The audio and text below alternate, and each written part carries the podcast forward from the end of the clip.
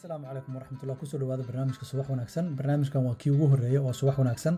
Kan oo noqon doono horudhaca barnaamijka subax wanaagsan. Waxaan rajeynaynaa inay bulshada soomaaliyeed meel walba adduunka joogaan inay wax badan ka faa'iidaan.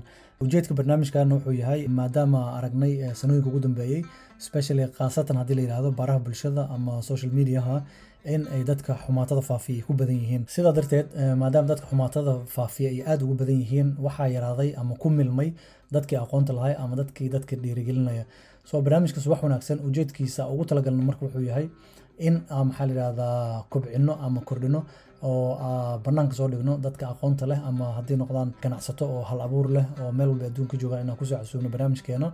Iyo dadka maxaa la yidhahdaa samafalayaasha oo waxyaabo badan bulshada u qabto dal iyo dibadba. Haddii aan soomaali nahay dad badan oo aqoon badan lahaa bulshadeenu ku jiro laakiin dadkaas fursad may helan fursadna lama siinin platformyada ay waaweynka istaagaan. Sidaa darteedna waxaa rajeynaynaa inuu subax wanaagsan noqdo platformka ugu weyn ay bulshada soomaaliyeed meel walba adduunka joogaan dal iyo dibad. Qof walba aqoontiisa iyo kartidiisa iyo wuxuu bulshada u qabtay in aan ku soo bandhigno. Anagoo markaas waxaa ujeedkeena uu yahay in aan dhiirigelin bulshada soomaaliyeed siina meel walba joogaan. Maadaama dhiirigelinta ay tahay shay aada iyo aada muhiim u ah waxaa muhiim ah in maxaa la yidhahdaa xooga saarno si dhalinyarta ama jiilka hadda soo kacaya si u helaan dad ay ku daydaan.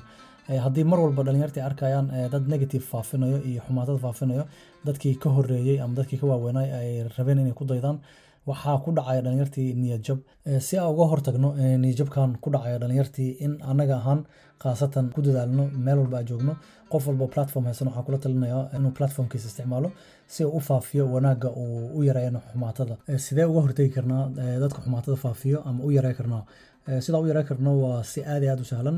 Qof walbana hadduu ku dhaqaaqo uu sameyn karo dadka xumaatada faafiyo awooddaas may lahaadeen haddii anaga aan faafi lahayn. Maanta haddaa wax xun arko wixii aniga sii faafiyo qofkaas waxaa siinaya fursad uu wixii dad badan ku gaarsiiyo.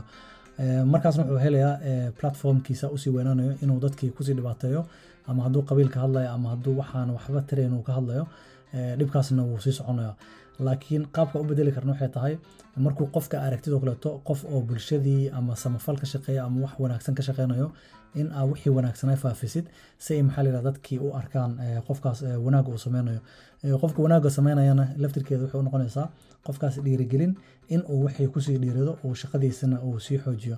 Laakiin haddii bulshadii u bataan dadka xumaatada wado in la faafiyo dadka wanaagga wadana aan la faafin qofkii wanaagga waday markuu arkay inay bulshadii waxay xiiseynaynin inuu asagii ka niyad jabo faraha kala baxo.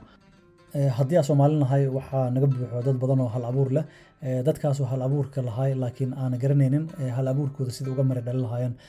Ganacsato badanaa naga buuxdo wadankeeni dal iyo dibadba joogo. Laakiin ganacsatadii waxaa loo baahan yahay in ay bulshadii soo hor istaagaan u sheegaan qaladaadkoodii iyo dhibaatooyinkii soo mareen si ay dadka kale uga faa'iidaan. Because maanta haddaad jabkaagii ama dhibaatadii ku soo martay haddaad dadka la wadaagtid waxaa u fududeynaysaa jiilka soo kacayo in jabkii ama dhibaatooyinkaa soo martay in ay ka badbaadaan ee hadhowta ayagiina waqtigaas ama ku khasaaranayaan xagga inay meel kale waqtigaas ama xoogaas geliyaan.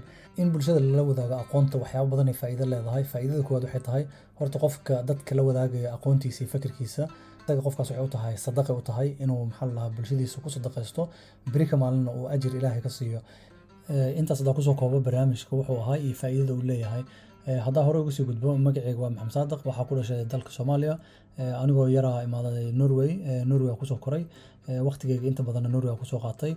Anigoo xaggaas kaga soo baxay jaamacadda dhaqaalaha ee dalka norway. Jaamacadda marka baxayna ilaahay wuxuu fursad ii siiyey inaan ka shaqeeyo bangi ku yaalo dalka norway muddo sideed sano. Muddada sideedda sano aan ka shaqeynayay. Aqoon badan iyo khibrad badan waan ka helay alxamdulilah taas ilaaha kaga mahad celinayo markii sideedda sano ii dhammaatay waxaa go'aansaday shaqada anaa iskay uga tegay. Sanad ka maqnaay fasax ka qaatay.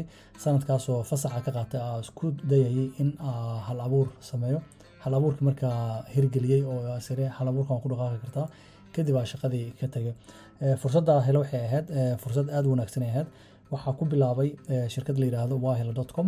Shirkadaasoo ah shirkad diiwaan geliso ganacsiga soomaalida. Adduunka meel walbay ka joogaan maadaama soomaali nahay oo soo qaxnay wadamo kala duwan tagnay soomaali haddaan nahayna ganacsiga aada ugu fiican nahay maadaama ganacsi meel walba ka furanay laakiin iskama warhayno. Sidaa darteed hal abuurka waxaa igu dhashay in wahele com aan sameeyo si ay ganacsatada soomaaliyeed si sahlan loo soo helo ciwaankooda iyo informationkooda meel walba adduunka joogaan.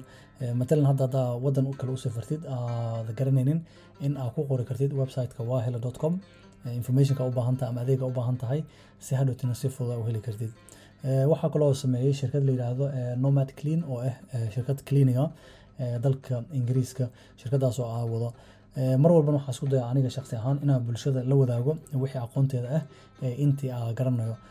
Waxaa kaloo furtay youtube youtubekaas bulshada ka saacido qaababka kala duwan iyo sidii xayeysiin ku sameyn lahaayeen iyo ganacsigooda sidii u horumari lahaayeen. Anigoo la wadaagayo dhibaatooyinka kala soo maray markuu qofka hal abuur leeyahay ama shirkad uu asaasayo caqabado badan uu la kulmaa caqabadahaas anigoo isku dayay inaan bulshada uga faa'iideeyo sidii ayaga xataa laftirkooda uga badbaadi lahaayeen intaas hadaa kugu soo koobo waa aniga maxamed saadiq ahaan. Haddii aad garanaysid qof mudan ku dayasho oo aad is leedahay wax badan oo bulshada u faa'iidanaya fadlan waxaa kaa codsanayaa inaad qofkaas nagu soo xirtid igala soo xiriir social mediahayga twitterka instagramka facebooka iyo clubhouseka ayagoo dhan magaceyga haddaa ku qortid maxamed saadiq xaggaasa si sahlan igu soo helaysaa marka intaasoo barnaamijka ku egyahay waxaan inii rajeynayaa dhegeysi wacan programmada soo socda oo dhan. Asalaamu calaykum